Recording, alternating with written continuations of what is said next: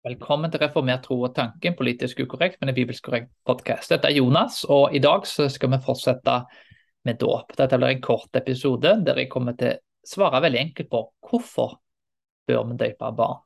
Hva er noen av fordelene med å døpe barn? Den første fordelen er at dåpen etablerer familien som et primært fellesskap for et kristent disippelskap. Barn i både Det gamle og Det nye testamentet tilhører Gud på en spesiell måte de trenger ikke evangeliseres som ikke-kristne. De er fullt kristne, får instrukser om å bli disippelgjort som voksne, de, altså i likhet med voksne, som de vokser i troen. Første Korinterbrevet 2014 forteller at barn er helliget. Barn er en del av Guds pakt, som første Korinterbrevet 2014 da impliserer da, med et paktspråk. Barn som vokser opp utenfor Guds pakt, kan slite med dette psykologisk. Og jeg har truffet folk som sa at når de vokste opp som baptister, så følte de seg som halve medlemmer. De var rett og slett ikke en del av Guds pakt, og det var psykologisk eh, tungt da, å, eh, å, gå gjennom. Eh, så En er altså et fullverdig medlem av pakten, og en er del av fellesskapet og kan ordentlig få instrukser og bli disippelgjort for en faktisk er et fullverdig medlem. Nummer to, den andre grunnen er at dåpen etablerer Guds husholdning. 1. Timoteus 3,15. Gjennom dåp er det en del av Guds altså blir en del av Guds husholdning. Og Der opplever en undervisning, ansvarlighet med alle rettigheter og pliktene som dette innebærer.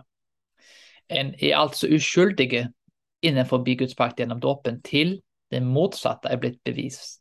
Men med voksendåp så er det motsatte tilfellet. En er faktisk skyldige før noe er bevist. Så jeg må altså bevise seg sjøl eh, hvis en da på en måte skal eh, vise fruktene da, til at en er troende da, som, som barn.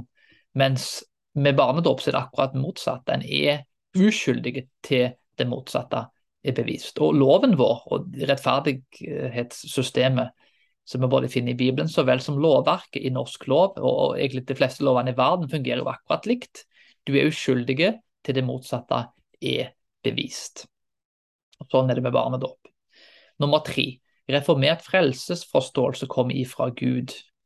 Og Spedbarnsdåp er jo med da, å peke på at Gud alene frelser. Jeg vil lese et sitat på engelsk av den store presbyterianske teologen B.B. Warfield. Han sa Christian baptism, every time we baptize an infant, we bear witness that salvation is from God, that we cannot do anything to secure it, that we receive it from his hands as a sheer gift of his grace, and that we all enter the kingdom of heaven, therefore, as little children.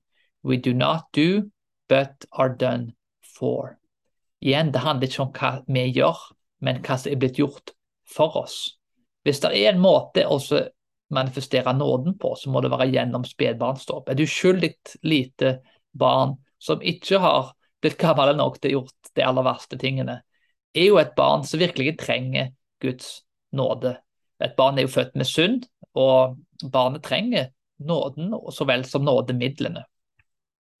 Nåden til Gud er stor, han strekker til til og med til de aller minste. Og Det er nettopp derfor Jesus sier at la de små barn komme til meg. Og vi hører Guds rike til. Og den troen som barn har, er til invitasjon for oss. Jesus sier begge deler.